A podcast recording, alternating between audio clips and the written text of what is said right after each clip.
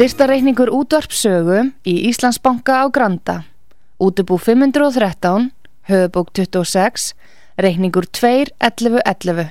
Nánari upplýsingar á útvarpsaga.is. Takk fyrir stöðningin. Heimsmálinn í umsjón Pétur Gunnlaugssonar. Fréttir og fréttatengt efni af Erlendum Vettvangi.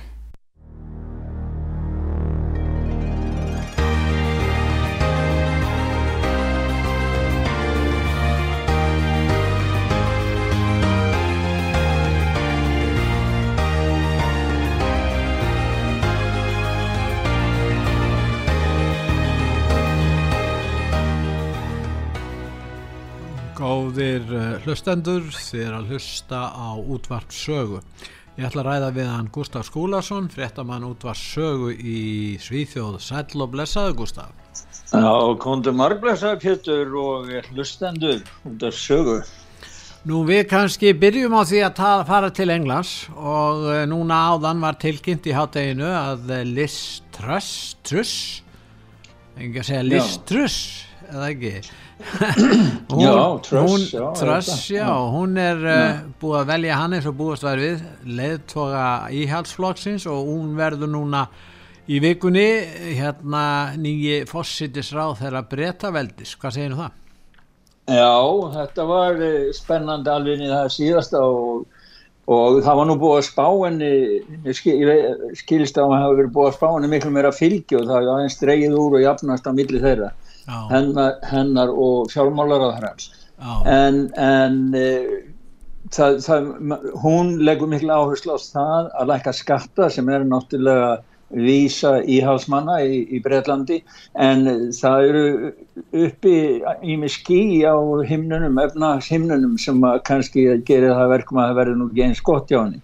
Mér skildi hún takju ennbættinu morgun hún þarf vist að fara allavegna til Skotlands og, og, og Boris Johnson líka til að hitta drotninguna til að drotningin er ekki á landinu. Já, hún er á Belmont, hún er, verður ekki Buckingham Palace að... Nei, já, hún verður ekki Buckingham Palace já, þannig að það verður að fara til Skotlands og, og til þess að fá lausn og koma inn. Við erum með smá hljóðbút þegar að eh, Sör, nú mann ekki alveg hvað hann heitir Sör hérna Graham Brady sem er stjórna klúb 22 hérna fyrir breyta já, 1922 klúbnum sem að hann, hann er að lýsa því yfir, hann er að segja frá atkváðan, við ættum kannski að hlusta á það. Gerum það.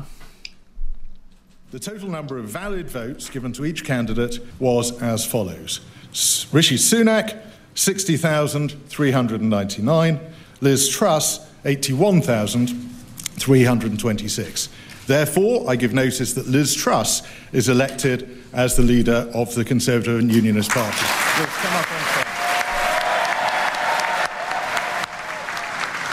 Well, thank you, Sir Graham. It's an honour to be elected as leader of the Conservative and Unionist Party. I'd like to thank the 1922 committee, the party chairman, and the Conservative Party for organising one of the longest job interviews in history.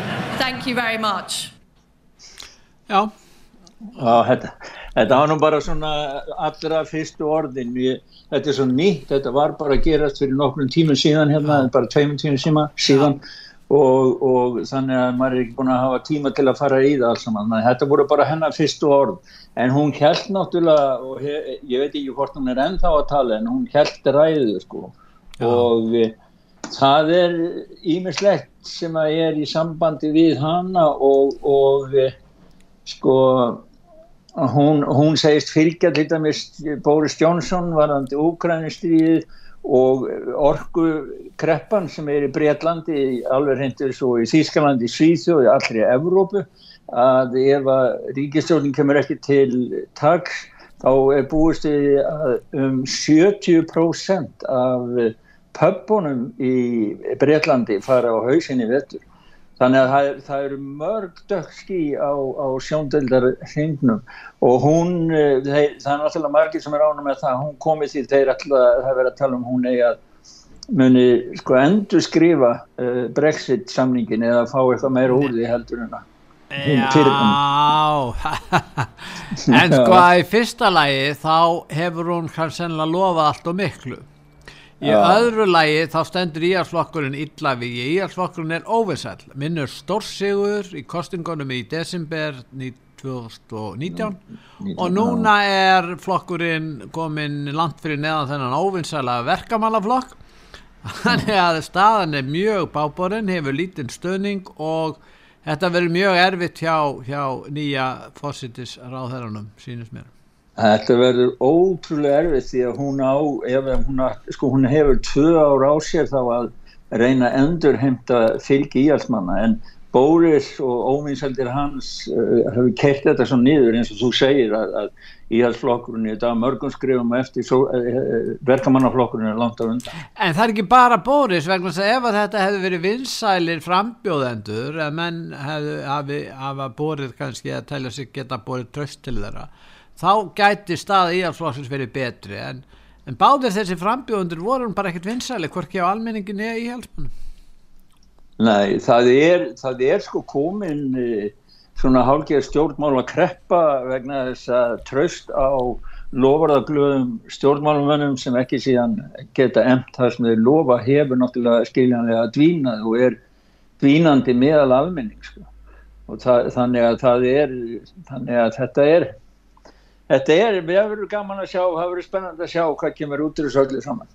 Já, ég held að hún getur nú ekki breytt mjög miklu en en uh, nú reynir á þetta að uh, eins og segir, hvernig gengur að efna einhver lofvort sem hún gaf í þessari löngu kostningabaratu eða, eða atvinnu umsóknu eins og hún kallar hana verið... Já, þetta var í lengsta atvinnu viðtali, viðtali sem var í, var í til þess að vera í atvinnu sko. Já, maður kannski segja það. Já, en það er annað hún... hérna í Evrópu. Nú er til dæmis í Breitlandi þá hefur landbúnaðar verið á háu plani þar. Bretar hafa staðið sér vel í landbúnaðamálum en nú er það þannig í Evrópu, bæði Írar og hollendingar sem við talaðum um að það er þessi lofslagslög í Evrópu hérna, Evrópusambassins sem er að í raunum vera að rústa þeim ríkjum sem reka besta landbúna, það er að segja Írland og Holland. Af hverju er það að gerast? Hva, þetta er skjálfilegt, við erum með smá hljóput það viðtal, sænska sjónvarpi var með viðtal hérna Já, við, við, við stórbonda þarna á Írlandi eh, Já, Donald Scully sem reykur stórt bú Já. og það er hagnaðar á því Já. og hann spyr bara mjög einfaldra spurning, hann segir sko þessi niðurskurður vegna vegna lofslagsmála að, að það er að minka útslepp þá af, af gróðrúsaloftegundum hjá bændum að það þýðir bara það að hann getur ekki reiki búið sitt áfram og þá verður það lokaði Já. og það er mikill örgur í, í bandum á Írlandi yfirvöld segast alltaf að gera það er rauðgræni stjórn á Írlandi það er svona vinstri grænir og umhverjarsinnar sem að vilja keira þetta bara fram með fullri hörku og Já. segja það að, að ef að bændur sem að þurfi ekki sem að telja sig ekki þurfa að axla ábyrði lofslagsmálum þá er þeir ekki dægan eina framtíni marka, markaði sko. en þeir, þeir, það er eins og þeir sko, þeir kenna sjálfur uh, þessir uh, rauðu umhverfi sinna, þeir segja að matvælaskortin í heiminum í dag sé vegna lofslags ástansins en þeir setja ekki samengi við það að það er verið að kippa rekstra grundvalli undan landbúnan út um allan heim vestræðin heng. Það er hljóðbúti með Ítalina. Við skulum hlusta á þennan stórbóta. Financially it's going to ruin us but on the other side I want to have something to pass on to my son or daughter. We're the number one in the world lowest carbon footprint produced. So it's very important that you know that that is acknowledged. Like if we stop doing or reduce back to where supposedly we were to go back by the 25 30 percent will that product have to be produced somewhere else that might be 20th in the world lowest carbon footprint? And is that what people want? Já, hann er náttúrulega benda á Írland hefur staðið sér vel í lofslagsmálunum og, og þetta er græna eigin, það er má segja það að, að, að þeir hafi gert það og, og það er kannski svolítið enkenlegt, sérkennlegt hérna Gustaf að þeir sem standa sér vel, hvort sem það er Ísland, Írland eða Holland svona, að það er sérstaklega reynd einhvern veginn að þrista á ríkin og, og breyta því sem að gengur þó vel. Það er óskinsanlegt, myndi ég hann ég, Já, það er, það er náttúrulega ákvörðu að vera eidilegja eitthvað sem að virkar. Já. Þetta er nú svona guðmul regla í, í öllum business. Uh, ef það gengur, þá gengur, þá maður ekki að hófla við. En, en, en, en, en hér er verið að ráðast eins og þú nefnir Holland, það er eitt best rekni, þeir eru með ákveðna, sko með svipað framleiðni stíg fyrir landbúnað eins og Íslendingar eru á- fyrir fisk, fiskveiða Já. og þetta, þetta er eitt besti landbúnað og þarna er verið að ráðast á bændur og, og, og taka grundöld landbúnað eins og, og bara eðilegjan og þetta er að ske í, í, þetta er að ske núna í Írlandi og þeir eru sko bændur, ég, það kem, verður ábyggilega uppreista því því að það er svo mikil harka í málaunum Meina, hvað, hvað á þetta þýð að vera ráðast að bænda sér svona? Þetta kemur til með að auka hungusneið og mataskort Já, já. og ná allt annað núna í vetur. Þetta verður. Já, þetta er mjög förðulegt. En eh, hérna, ef við fyrir til Svíþjóðar, þá er það eh, hérna orkustríðið í Evrópu, við getum sagt að sé bara orkustríðið í Evrópu, að þar, eh, þar eru þetta þjö, sænska ríkistjórnir, hefur þetta miklar áhyggjur af því og, og það er spurningin um það hvernig á að fjármagna kaup á orku. Já, það sem að vakti bara fólk í rógastans hérna núna á laugadaginu, það var bara allt innu byrtist fórsættisráðherran, fjármálaráðherran, uh, seðlabankastjórin og formaður fjármála eftirlið Svítsjóðar. Mm. Byrtist fjögur, þetta er eh, bara, þetta er eh, aðal teimi yfirvalda í fjármálum ríkisins hérna í Svítsjóðum og þeir heldur blagamannafund þar sem að þau voru að kynna að uh, fjármálapakka til uh, fjárvana ramas og orku kaupanda fyrirtækja sem eru skráð á Nasdaq verbreyðamarkanum hérna í, í, í Stokkólmi e, það sem að þau voru að tryggja lánspakka upp á ég veit ekki hvað 250 miljardi sænskra króna svo að markaðinni þegar þeir opnuðu í dag á mánudegi myndi ekki rinja og, og það náttúrulega rekur alla í róastans og svo stóðuðu öll þarna og sögðu, já neini, þetta er ekkert með peningastefnun að gera, er nú bara og við erum að gera þetta núna því að bara til að vera svona vel fyrirfram svo að, að þetta þróust ekki upp í það og upp í hvað myndi að þróast, jú að fólk myndi, það er því fjármálarhrun og fólk myndi missa innistæði sínar í bönkunum. Og sko sko, það, er svo mikla mótsagnir í, í þessum bóðskap og sömur, þau hafa nú verið gaggrind, gaggrindi bæði Sælabanki, Svíþjóðar og fjármáleftiliti sem að vilja nú viðhalda sjálfstæði gaggvart stjórnmálalífinu. Það er svona ákveðin svona að, maður- að, að ekki að blanda því ómikið saman. Og svo hafa þeir hafi látið teima sig og þetta sé meira að minna kostningabrella hjá sósjaldemokrátum því að sósjaldemokrata þeir fá auki fylgi ef þeir koma og geta staðið svona sem ábyrðar fullur flokkur sem er að bjarga málan en, en, en það stóra í þessu er náttúrulega ramasmarkaðurinn þessi geðvikislegi ramasmarkaður Evrópusambassins, það sem að búið er að setja inn svona fram sko, þetta er bara eins og verbreyjamarkaður og skipting upp í svæði og við höfum rætt þetta og þetta er sko það er, það er ekki bara það var neitt sem var að segja það það er ekki bara hundra sinnum meira það er verðið fer upp í þúsund prósent hærra verð á rafmagni En þetta Og- þýðir að fyrirtæki, fjöldi fyrirtækja fara á hausinn eða er á balming gjaldtróts og verða að loka. Það verða bara að loka vegna þess að orkuverðið er á hátt og í öðru lagi sem er ekki talað um Gustaf, það Já. kemur niður á velferðarkerfinu. Það er svo margir í Svíþjóð sem treyst á velferðarkerfið, sænska velferðarkerfið. Já, Auðvitað mun, mun, mun ríkistjórnin næsta, hún lendir í þessum vanda þannig að, að það getur komið niður á, á velferðarkerfinu og förðulegt að það skulle ekki vera meira rætt um það. Já, það er, sko, það er, eh, næstu því, það er helst síðhjóðdemokrata sem ræðum það og þá var það náttúrulega eitthvað volasland, en það var alveg ótrúlegt, mér fannst það ótrúlegt að horfa á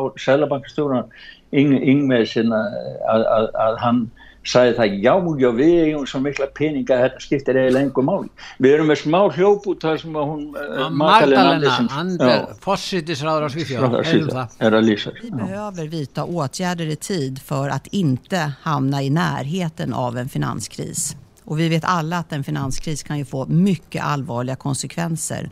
Då handlar det ju inte längre om bara orimliga elräkningar utan om att pensionskonton och IS, pensionsfonder och ISK-konton kan störtdyka, svenska företag gå omkull och en hög arbetslöshet i följd.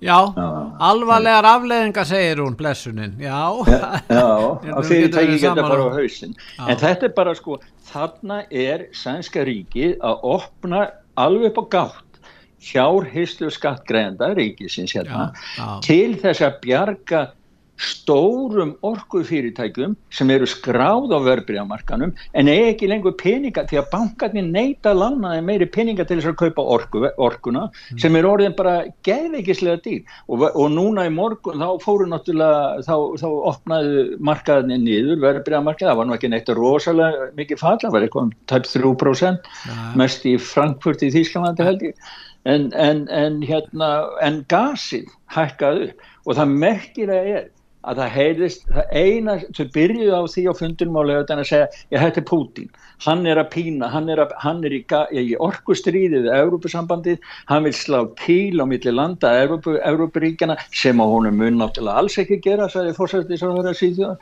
og, og hann, hann, það var bara eina útskynning, það var ekki minnst einu orði á að ríkistjórnin sem að nú er við völd í Svíþjóð hefur loka kjarnorkuverum og skapa orkuskort. Já. og það þess vegna sem að það er aðal grundvöldinum fyrir vandamálun og það sann nákvæmlega saman í Þýskamandi en það er ekki minnst orð af all þetta en, er allt saman En hugsa er hvernig það var hugsað hér núna á þessar öld það var gert, við skulum loka kjarnorkuverunum vegna græningarnir vilja það og banda með þeirra. Það er gert, heyrðu. Já hvað ákom í staðin ódýr ólíja frá Rúsland og gas gegnum leiðslur. Nord 1 og Nord 2 það, þetta var hugmyndafræðin í þessu og það var enginn að við fengja það að þetta væri leið sem að gæti verið hættuleg. Já og svo, svo þegar að og svo er enginn að tala um það heldur því það er bara sagt úgrænu stríð en það er ekki minnst á refsjaðagerðina þar sem að fólk er bannað og það er bara tala, í staðinni bara að tala um já við erum með oflíti ramagn og ofdýra orku og nú verða bara allir að fara já hægt að fara í bað og, og, og, og finna leiði til þess að draga úr orkun og orkun og síðan kemur verðbólgan og verðbólgan náttúrulega hér og hún er náttúrulega í Svíþjóð og það er náttúrulega þessar launahekkanir sem hafi verið í Svíþjóð síðustu árin það eru náttúrulega hafa eh, það hefur verið búið að geta þær allar upp er það ekki? Jú, jú, það var að koma skísla hérna nýlega sko um Já. það að, að, að eh, það er undanfarin sko það eru rýrnað 5,7% til síðsjóð eh, launa það þeir fara sjö ára aftur í tíman í raun og já, fram til það er sama núna og var árið 2015 já. þannig að sjö ára þróun er bara slegin út af borðinu já. sem er einni, einni hending þetta er svakalegt en síðan eru kostninga þetta er síðasta vikanar kostið næstu helgi og Já. nú fyrir við kannski að ræða um kostingarnar í Svíþjóð og hvernig þetta lítur út ef við byrjum á sósveldemokratum ég sínist að þessi er með á bylunu 28% pluss og kannski Já. stundum faraður upp í 30 en ekki oft þeir eru stærstir en þá er það ekki Jú, þeir eru stærstir en þeir eru að dala og það, þess vegna getur nú að sé þetta sem er svolítið útspil í sambandi við það, er einhvern nátt tilbaka einhverju. En, en Svíþjóðdemokrátar hins vegar tekið stórt stök og það er staðfest en það er ekki alveg staðfest endalega að þeir hafa mæðist efstir í einni konun sem að, bara því að, því að Sósaldemokrátar hafa hrunin nýri 24% í einni konun hérna. Já en þeir fá all, þeir, það, þeir eru fastir í 20% þeir fá 20% líklega Já og jáfnvel meira sko, já og jáfnvel yfir sko. Já ég er að segja það það læri mörgin að ef já. þeir fá 20 og kristilegi demokratander sem eru svona bandamenn þeirra virðist vera að já. þeir geta farið upp í 7% Þannig að já, þetta verða talsverða breytingar. Ef, ef frjálslindi flokkurinn fær þarna einhver 5-6% og svo moderata hangir í 17-18% þá er það konni með meiri hlutan eða ekki? Já, þá eru við með aðeins yfir sko, en þetta er svona þetta miða við dag, þetta skiptist dag frá degi, einn daginn þá er vinstri flokki með aðeins yfir 0,1% og svo hindaginn þá er hægri blokkin yfir með kannski 1-2% þannig að, að, að þetta er, er mjótt á mununum. En maður bara sér útspilin hérna. Sósialdemokrata þeir heldur sérstaklega blagamann af þeim tveir ráðherrar hérna. Og það sem að þeir bara rökkuðu nýður sko, bara árás á Svíþjóðdemokrata sko, bara útspil. Og Þeir voru að hérna- segja að þeir væru nazistar og, eða semifasistar eins og Biden talar um republikana er, er þetta, er þetta, eru þeir, eru þeir að tala sér saman sósjaldemokratarnir í, í Svíþjóð og, og, og, og demokratarnir í Bandaríkjónum, þeir konur á það plan? Já, það, það var svona grunnsanlegt hvað var stutt á milli ræðunar, hattusræðunar sem að bætin hafi í, í bandaríkanum og, og við komum inn á eftir. Og svo þessa útspil hérna, það voru ekki margir klukkutímar á milli skal ég segja. Það. Þannig að þetta, við fyrstu sín, þá gætu manni virst að þetta væri samiðlega aðgerri báum löndum, en þetta hangi líka saman og, og ég segi það, þetta hangi saman við þennan áróður og, og rítskoðun því að flokkarning hérna hafa talað um það þeir til dæmis sósjaldemokrata og ríkistofnin fengu Google, æstum en Google sem voru henni í vor til þess að hafa áhrif á hvernig uh, interneti virkar í Já. sannsku kostningun Já, já, já. og þetta hangi líka saman við það að Evrópusambandi er að koma með svona bóðskap um að það er að fjarlæga sko, efni og það sé hatus umræða að gaggrína yfirvöld. Og eins og við höfum séð í bæði sambandi við saminuðum þjóðnar í sambandi við bólefni það er hægt að telja þetta allt saman upp. Og sama nákvæmlega sama að kvítás að gera í bandaríkanum þannig að mér sýnist Pétur að,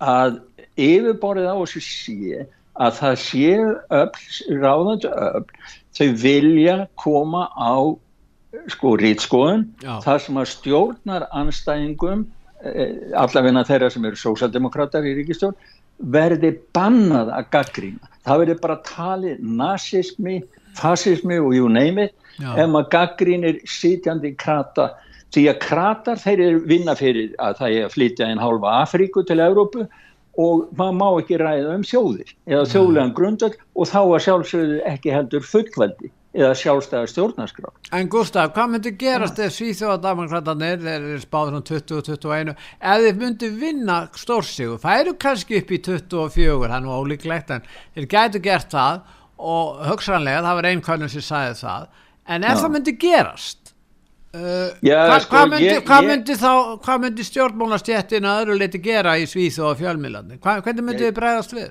Já, einn möguleiki sem mörg, fáir hafa kannski rætt en er, er til stað, það er bara svo sá að moderatar og sósaldemokrata bara myndi svona Já. samsteipu stjórn vegna alvarlegra stöðu mála skilur því að, því að því að Öl Kristinsson hann gengur til kostninga á því að þeim grundvill að mynda ríkistjórn án þáttöku En síþjóðdemokrata í með ríkistjórn stuðningi þeir enga síður þá. Jú, með stuðningir og þetta er, sko, þetta er svona hálf, sko, það eru flokkar sem segja við vinnum ekki með síðjóðdemokrautum, ég verð ekki með því að ég er á mótið þeim, ég vil ekki vinna með þeim, en svo komur mótirata með, já, við viljum vinna með, vinna með þeim, en þeir með ekki vera ráð, þeir eru ríkistjórn. Þannig að þetta er, þetta er, ég segi sko... Þetta er eins og eru- að, stofna fyrirtæki með einhverjum öðrum og svo er sagt við félagan, þú færði engan hagnað bara ég, bless. Já, Ah. já, það má nú segja það. En, þetta, en, en þessi pólitík hérna, hún er á svo lágu plani, sko, þeir voru, þeir, þeir, þeir aftanblæði, þeir voru með sögum það að, það var, þeir voru, að, að, nú kom fréttu um það að síðu demokrata var að bjóða fólki til þess að halda upp á árás Hitlers á Póland, Fyrsta september. já, fyrsta september Já. og það var nú fyrir að kíkja á þetta og það var búið að gera voða mikið þessu. við, við erum með og, og við erum með smá, hann Jimmy hann svara fyrir sig, þeir voru með Jimmy eru Åkesson. Já. Já. þeir eru altså að, að halda því fram að þessi pólveri sem var að minnast, ef að það voru minningar um fallna pólverja í stríðinu við, við Já, þjóðverja já. og rússa, ekki gleyma því líka. Pólverjandi þurft að berjast við Stalin líka, ekki bara Hitler. Og við skulum hlusta á hana ljóðbút. Är det här något som era medarbetare brukar göra? Det är inte så enkelt som det låter utan den här personen, tjänstemannen, är då alltså, har polskt påbrå eh, och i Polen så är det första september veterandagen så man firar ju alltså inte Nazitysklands anfall på Polen utan man firar ju då Polens försvar, de heroiska insatser som gjordes. Så att är man polack så vet man det här men är man svensk så reagerar man nog precis som både du och som jag också reagerade först när jag läste det där men, men sen fick jag förklaringen. Já, en, en, en sko þessir, þessir hérna sem eru að halda þessu fram eins og aftonblað þeir eru mm. með sko, þeir eru ekki með bara upplýsing og óreið, þetta er bara beinlýnis falsfréttir. Þetta eru beinar falsfréttir og þeir, ég held að þeir séu svo grófir, sko það eru margir útlendingar, það eru um 600, millir 6 og 700 þúsund inflytendur sem fá að kjósa í sveitasöfnarkostningunum hérna. Já. Tæplega 200 þúsund sem fá að kjósa í þingkostningunum hérna Já. og eftir fjögur ár þá eru þeir komni sem er að kjósa í þingkostningunum komin upp í 600-700 og fara nálgast miljón og ég held að sósjaldemokrat þetta séu nú ekki betri menn en það að þeir hugsa með sér já já við, við bara sendum út svona frettir því það er alltaf það er til innflytjendur sem að skilja ekki sænsku, það eru frá Arab, Arabalandum og Afríku og öðrundum sem skilja ekki og þá, þá, þá ganga þeir á það sem við segjum. Já, þetta er tví ekka sverð því að margir Arabar hata sko geðinga og þess vegna mm. kannski hafa þeir enkennilega skoðanir um styrjöldina líka.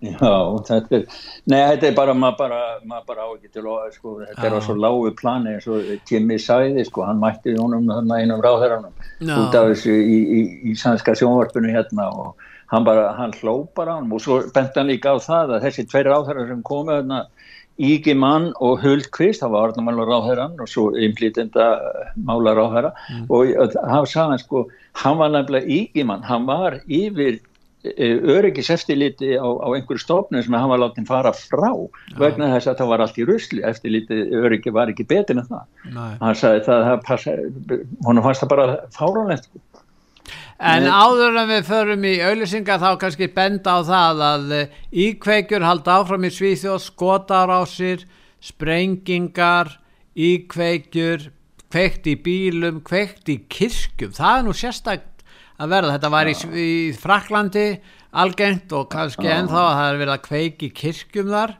Og Já. nú er það að gerast í Stokkólmi, að hafa marga kirkju verið brendal Já, þetta er, ég man eftir annari sem að var einhverju mánuðu síðan sko, þannig að þetta er ekki eitthvað sem er algjörlega eh, einstakur atbyrður en það, sko, það, það er eins og í sambandi þess þetta var mjög fallið kirkja þarna í Sjösó sem var byggð á 17. öll fyrst mm. svo var nýbúið að gera hana upp en, en þeir segja það sko, lögurglan setur á þetta, þetta sem morðbrunni, þetta sem íkvækja á morðbrunni þeir ansaka málið þannig því það var ekki þarna í kirkjunni þar sem eldurum kom upp sem gætt af eðlulegum ástæðan kveikt í sko. mm. Nú Lofslagsgreta hún er ekkert mjög vinsal að koma fram á tónleikum í Gautaborg og sumir vildu bara yfirgefa tónleikana ef hafa vinsaldir hennar minkaði ef hún verið ábyrgandi í þessari kostingabaratu hún Greta Thunberg Já, það voru eitthvað í sjónvarpinu viðtal við hana og, og svo hafa svona aktivistar að gera sinna verið að, að tefja umferð hérna og það hefur verið, Já, þeir hafa fengið mjög neikvæða skoðanir vegna þess að slökkur þennan sjúkrabílar komist ekki fram Já. þeir sátt og lókuðu sko hraðbrautinu og einhverjum vegum Já. þannig að og einhverju þeirra hafa verið handteknir og ég veit ekki hvort þeim hefur verið stundi í steinin og þá Greta hefur verið svona, hún var, var með fund fyrir utan þinghúsi núna þar sem að fyrstu myndina voru þarna þegar var verkvall á, á, á, á förstu dögum það voru ekki nema bara, já kannski 200 manns, það voru mjög fáið sem mætti á hann að fund þannig að, að ég myndi að segja það bara tími hennar held að það sé nú bara búin henni í síður sko. En við förum, við ætlum að fara í auðlýsinga núna en eftir auðlýsinga þá förum að tala um orkukreppun í Evrópu og síðan stjórnmál ástandi í bandaríkjunum. En þið er að hlusta útvart sögu, ég heiti Pétur Gunnlaugsson og ég er að ræða með hann Gustaf Skúlason í Svíþjóð en við skulum núna hlýða á auðlýsingar og komum svo aftur eftir auðlýsingar. Heimsmálinn í umsjón Pétur Gunnlaugssonar, fréttir og fréttatengt efni af Erlendum Vettvangi.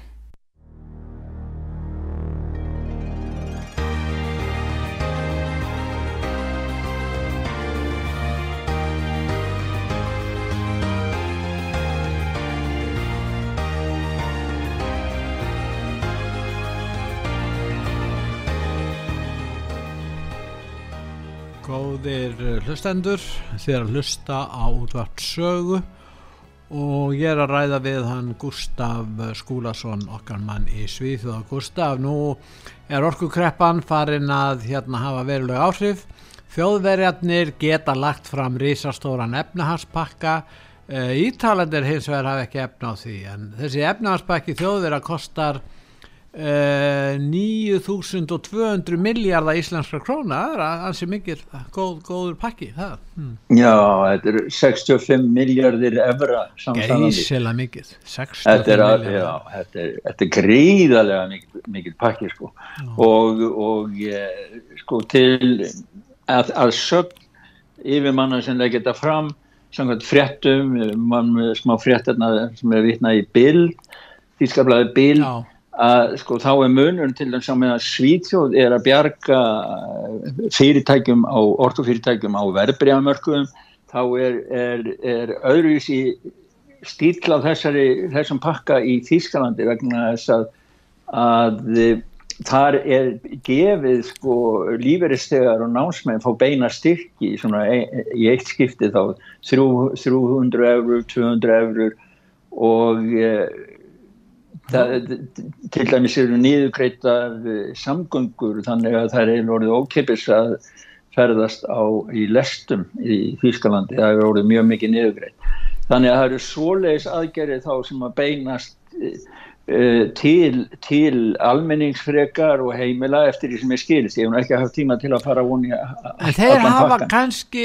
ennþá efni á þessu en uh, ítalarnir, ja. þeir eru bara festast í fátakra gildru og þeir geta gett borgaramarsreikningana og það eru kostinga framundan í, á Ítalíu Já. núna er lók þessa mánar er það ekki og, Já, og, og maður spyr sko hvað er auðvitað ítalandir að gera? Ég meina þjóðverði geta kannski bjarga sér í eitthvað í vettur en, en, en efnahagskerfis fóðveri á eftir að eh, þóla samdrátt, það er okkur ljóst. Já, þetta er eins og þú sæðir á hann sko, þegar, þú veist, peningar sem eru teknir í svona hlut og eins líka til að vera að kaupa vopn, ég var nú á hérna rástefni, hérna, smá rástefni hérna fyrir helgi, það var Norranna félagið í Stokkólmi sem hafði bóðið inn og fengum að lána húsnaði í Európa-húsinu hérna og það voru ágættis fólk sem var þar af meðal annars fastafull trúi í Grænland sem er í danska þingjunni mjög, mjög ja.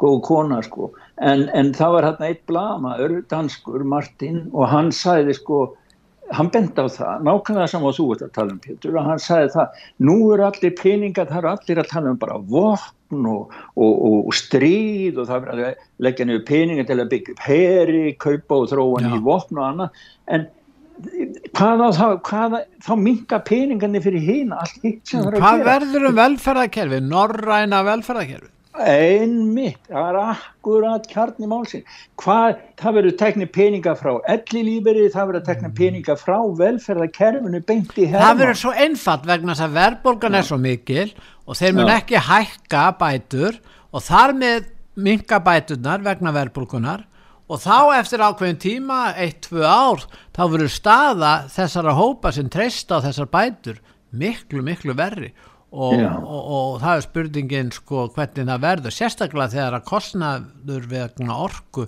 fyrir sívaksandi það er nógu erfitt að lefa óskertum eða bara sömu bótum í verðbólgu, en svo, svo bætist orkuverði við líka. Já og þetta er, svo, þetta er svo geðveikislegt sko þessi orkumarkar og, og verðalægi sko, það var einhver sérfengnar, það var spurður einhver blagakonni í Svíþjóð sem spurði eitt sérfengni hvað hva getur eiginlega verð og gasi að hækka á, sagði það getur bara að hækka endalust. Já, það, það er, er Þetta, svo, þetta fólk sem er í þessum, þessum sko, stóru peningas kilvukasti sko, þeim er svo leiðis nákomlega þeir eru sko ekki að hafa neina ráhaugjur og neina mellilífis þegar einhvers þeir er bara fjárfest í í hérna oljufyrirtækjum og gasfyrirtækjum. Já, já, þeir bara gera það. En svo er, svo er hérna sko, það var að koma frá uh, fréttega rannsókn í Ítalíu. Einmitt um þess að fátakara gildu og það var fréttast á en amsa sem að byrti og það greinum þetta á heimasíðu sögu. Já. og þeir telja það og það er aðalega í söður hluta Ítalið þar sem er mikið fátæk að, að þetta háa raforkuverð bara lendi mjög harkalega á 24-36% venjulegra heimila fjölskyldna. Og þetta er um sko, þetta er á kampanjasæðu sem er kallað. Það sem að innflytjendur er að koma inn þessi rólölu þeir ja. fara inn, á, inn í söður, söður Ítalíu ja. koma þar inn, þannig að þetta er tvöfald álag, markvald álag á þetta svæði En kostningarnar eru núna og þá er spurningin, nú er fimmstjörnurhefingin, hún er góðinir í 10%, þetta var stæsti flokkurinn og kjósendur dreifast á hinna og það er ómöld að vita hvað gerist í þessum kostningum. Við skulum uh, hafa auðu og fylgjast með því, sko, því að, því að, en þetta er bara, sko, Ítalið er mjög svart dæmi í þessari orkukreppu og, og svo sér maður sko til dæmis í Austuríki og svo, svo er á Austuríki þá borgaði ríkið út fyrir sko tryggði þá svipa eins og svíjar er að gera Já. eitt stærsta orkufyrirtækið þar. Og svo sér maður að þetta er að fara að byrtast líka í mótmælum því að núna á lögadaginn þá fóru yfir 70.000 manns út á götur og vakla á torgið í, í Prag til þess að mótmæla bæði Evrópussambandinu, aðalega orkupeningunum og þessari, þessari brjálæðislu orkuverði, verðbólgu en einni í NATO og Evrópussambandinu. Þeir, þeir segja, eins og við erum að ræða, þeir segja þið eigið ekki að vera að borga peninga fyrir vopn og senda til Úgrænu þegar þið lítið á hvernig vandamálunir er hérna heima fyrir.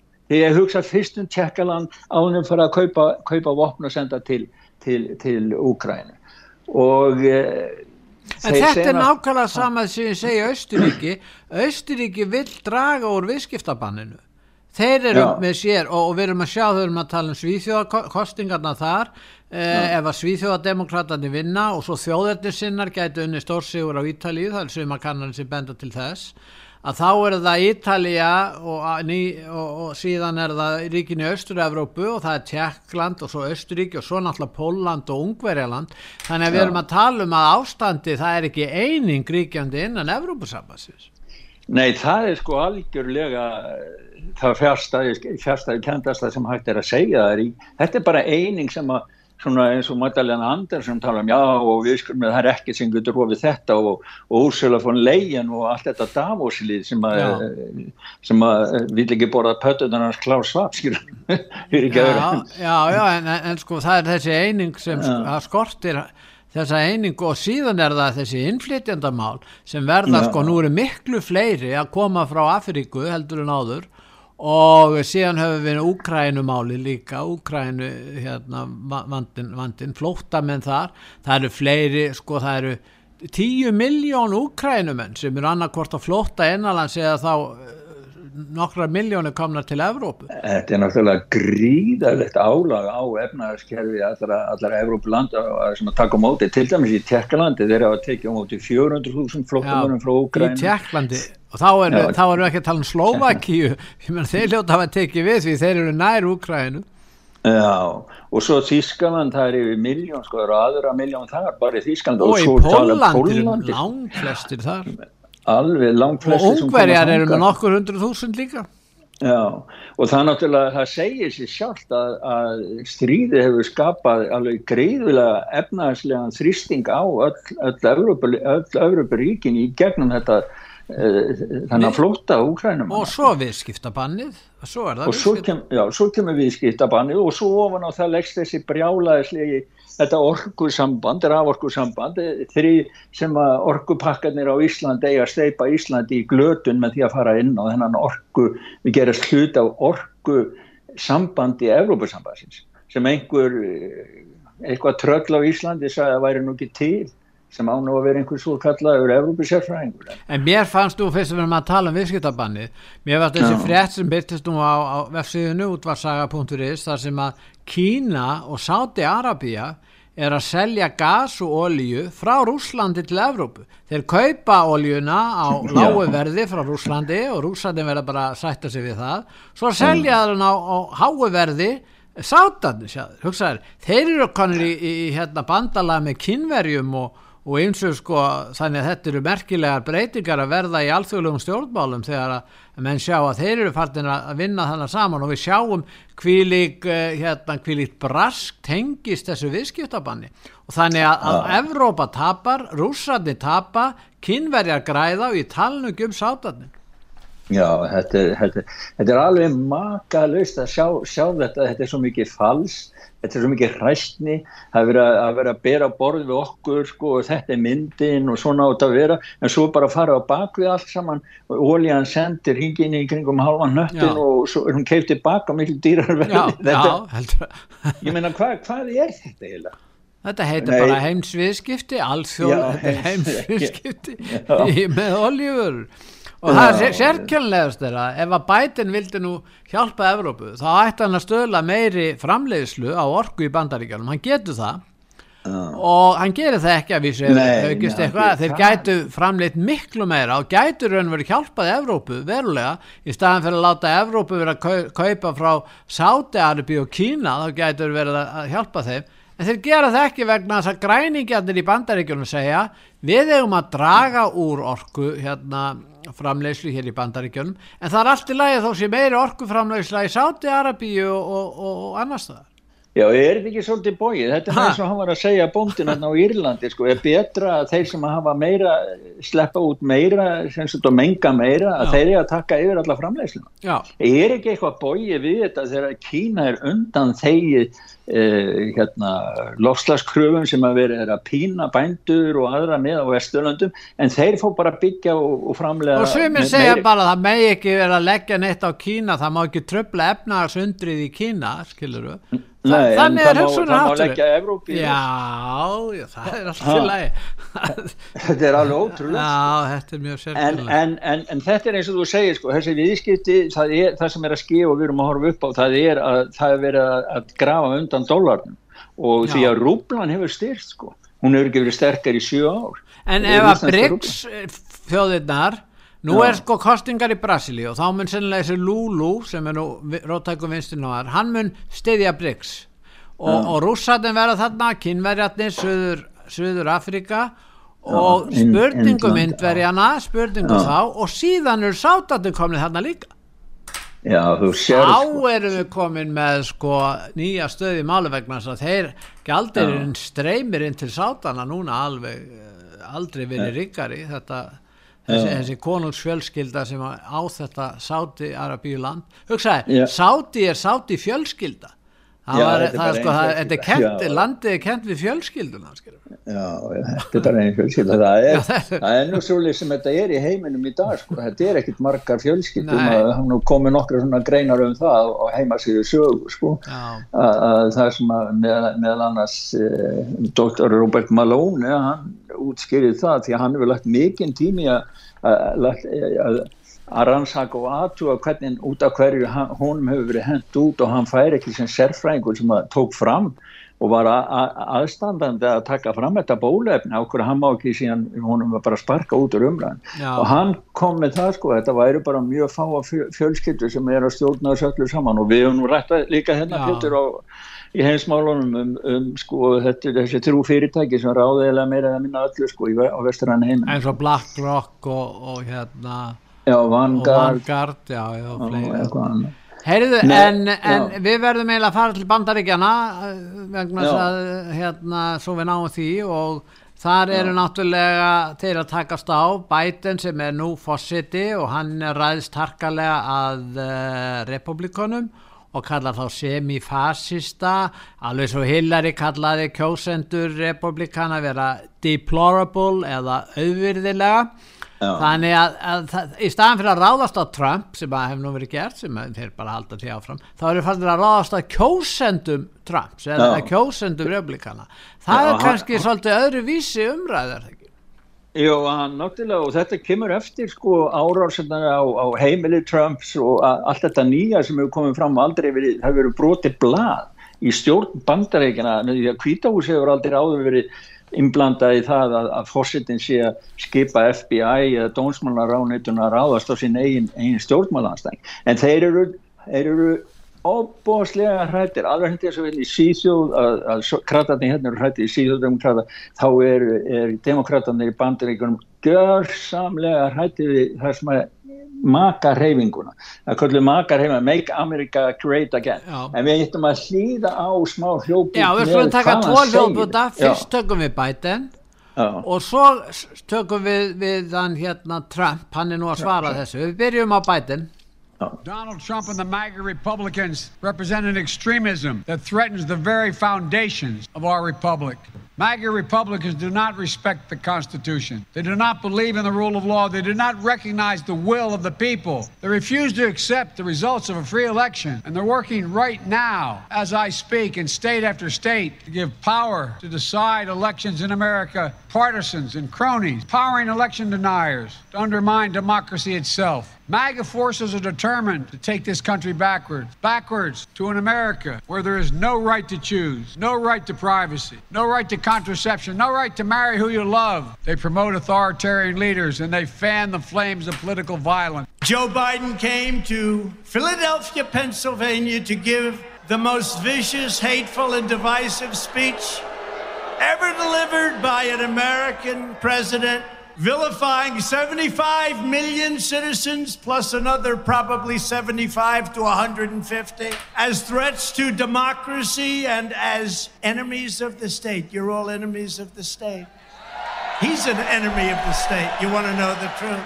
The enemy of the state is him and the group that control him, which is circling around him. Do this, do that, Joe. You're going to do this, Joe, right? His speech was hatred and anger. By the way, the next morning he forgot what he said. You saw that. Já, Biden segir að þeir séu semifasistar, við erum að tala um þá hvað, 75 miljón kjósendur eða 80% af republikanu styðja nú Trump en þannig að það er hansi margir og svo segir Trump að, Biden sé óvinnur ríkisins enemy of the state eins og það heitir á einsku þannig að þeir svona takast á mönnum. Sem er fyrst þetta að vera svolítið barnalegt orðið og einkennilegt að þarna er annar valdamesti maður heims eða minnst kosti kemur fram sér slíkur kannski stjórnan og aðri bak við tjöldin hjá hann bæten og síðan hinn sem var fórsiti þeir takar svona á og, og svimir er nú svolítið þreyttir á svona pólitík, hvað segir þú það? Já, þetta sýnir hvað staðan er læst. Og, og en það verður að segjast eins og er, það er til dæmis þessi árás á heimili heimili Donald Trump. húsleitar heimildin já, já húsleitar heimild þetta er fyrsta skipti í sögu bandarækjana sem að þetta gerist og það sé ráður svona á fyrirvandi fyrirvandi fórsetta það tekið úr sambandi sko ákveðin fríð helgi fórsetta ennbættisins með, með, með þessari aðtök og hann sæði frá því einmitt þarna á, á þessari ræðu það voru sko fólk beði byðrum, það eru myndband af því á, á heimasíðu sögur sem að fólk geta búið að gera mikið grína því að Joe Biden, hann held fund þarna þar sem hann held þessa ræðu að hann fyllt ekki einu sinni sal í mentaskóla, með mentaskólanemyndum en þegar Trump kom þá beðið þúsundir og Já, þúsundir hann er með mjög stóra fundi. Komist allir inn á þennan fundi ég, bara, ég held að það var svo tróðfullt í salnum Já, og, við syngdu það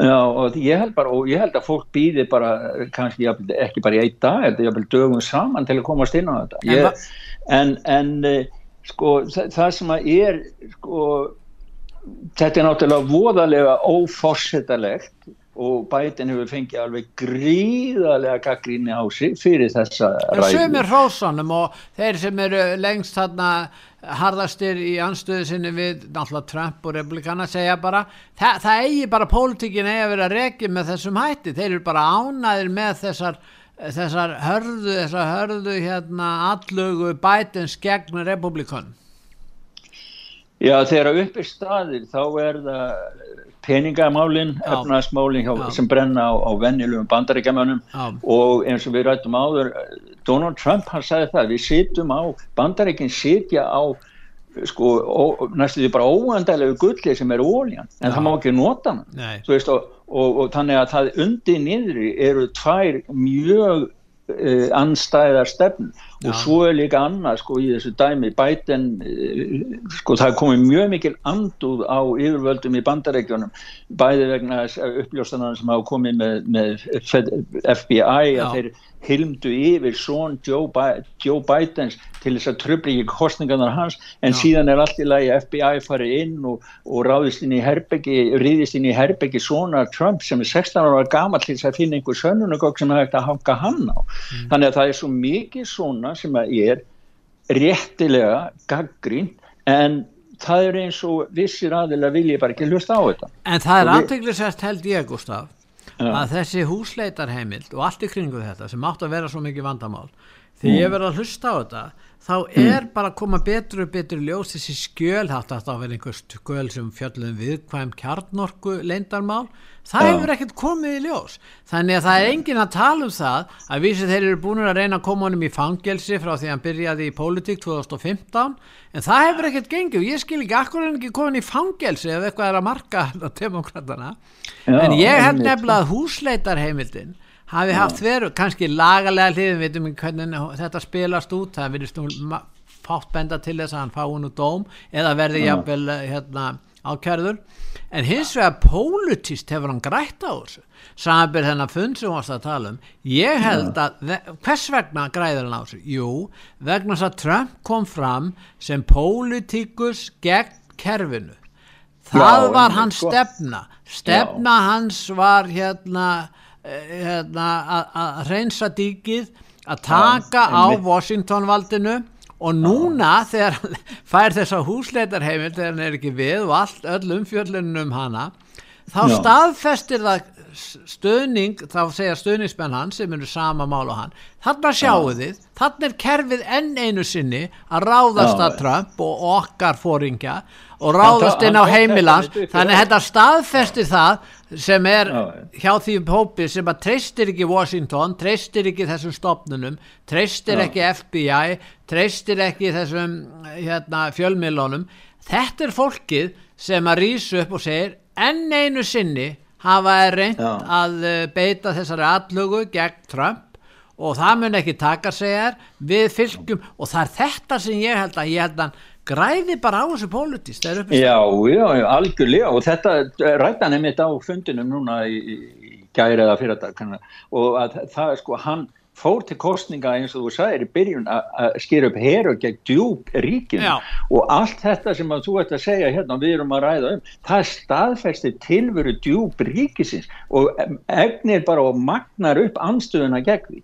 Og enda líka lofa republikana það að það verði fyrsta verkið er að þið ná meiri hluta í, í þinginu bæði fulltrúadeildinu og öldungadeildinu það verði ekki breyta lögum og gera allu að djúbríkinu í Washington og það er ábyggilega margi sem eru sko ókjörnir ennbætismenn sem að sjá, missa þá sko sportlu úr, úr, úr spónu, eh, úr aski sínum sko. Já, en það er nokkuð jæmt í konunum núna þegar að vísa sótt svolítið í þessi veðri þarna demokraterna en það er nokkuð jæmt en, en það eru 60 dagar til kostinga og það getur ímislegt skeið Já, já, en við höfum hérna, við verðum, þú valdir hérna ákveði lag með hvað Olli Adolfsson. Olli Adolfsson, þetta er, svona, þetta er svona lag sem heitir Trouble svona þegar það er e, vesen því að hann svona það er sömar úti en hann er með höst í brjósti sér vegna þess að, að konan hans sem hann elskaði svo mikið hún fór slakka af með öðrum. og þá er, er, er, ekki, er ekki létt að vera alltaf hafmyggju samur og,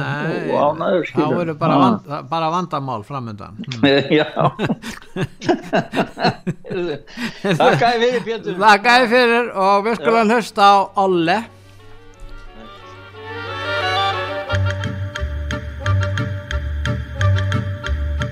Nu lyser ängarna av sommarns alla blommor. Nu surrar bin och fåglar sjunger överallt. Nu stryker vinden genom trädens höga kronor. Men i min trädgård är det visset, mörkt och kallt. Här är det risigt och förvuxet, fult och snårigt. Och lika hopplöst trist och grått som i mitt bröst. Där ute doftar det av sommarns alla dofter. Där är det sommar, Men här inne är det höst. Jag levde lycklig här med dig och mina katter. Ett liv i synd och utan omsorg att bli frälst. Försonad med min karaktär För jag har aldrig förmått att säga nej till någonting som helst. Och aldrig nekat mig det ena eller andra. Och levat livet tills jag krossades en dag. Det började med att du bedrog mig med en annan en som du sa var mycket finare än jag. Vårt gräl tog veckor, ropen blandades med gråten. Och jag blev grundligt jämförd med din fina vän. Tills du bekände att han givit dig på båten. Då blev det dödstyst här i trädgården igen.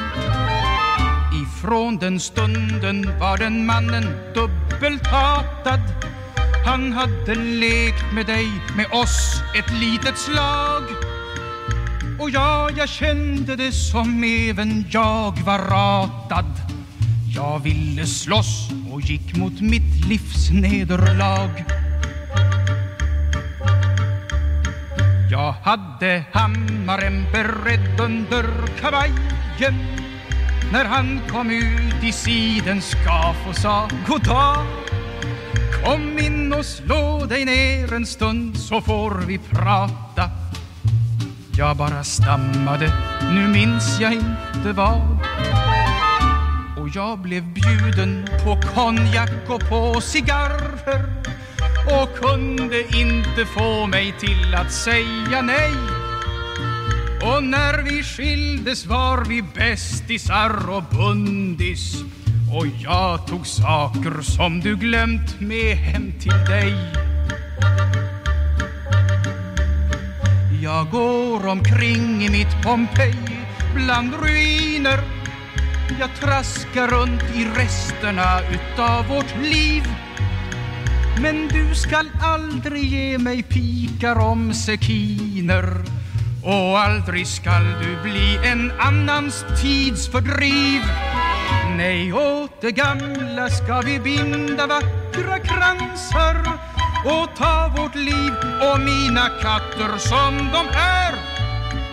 Och trots all kärleksbrist och trasighet och fransar dig skall jag älska livet ut. Dig har jag kär.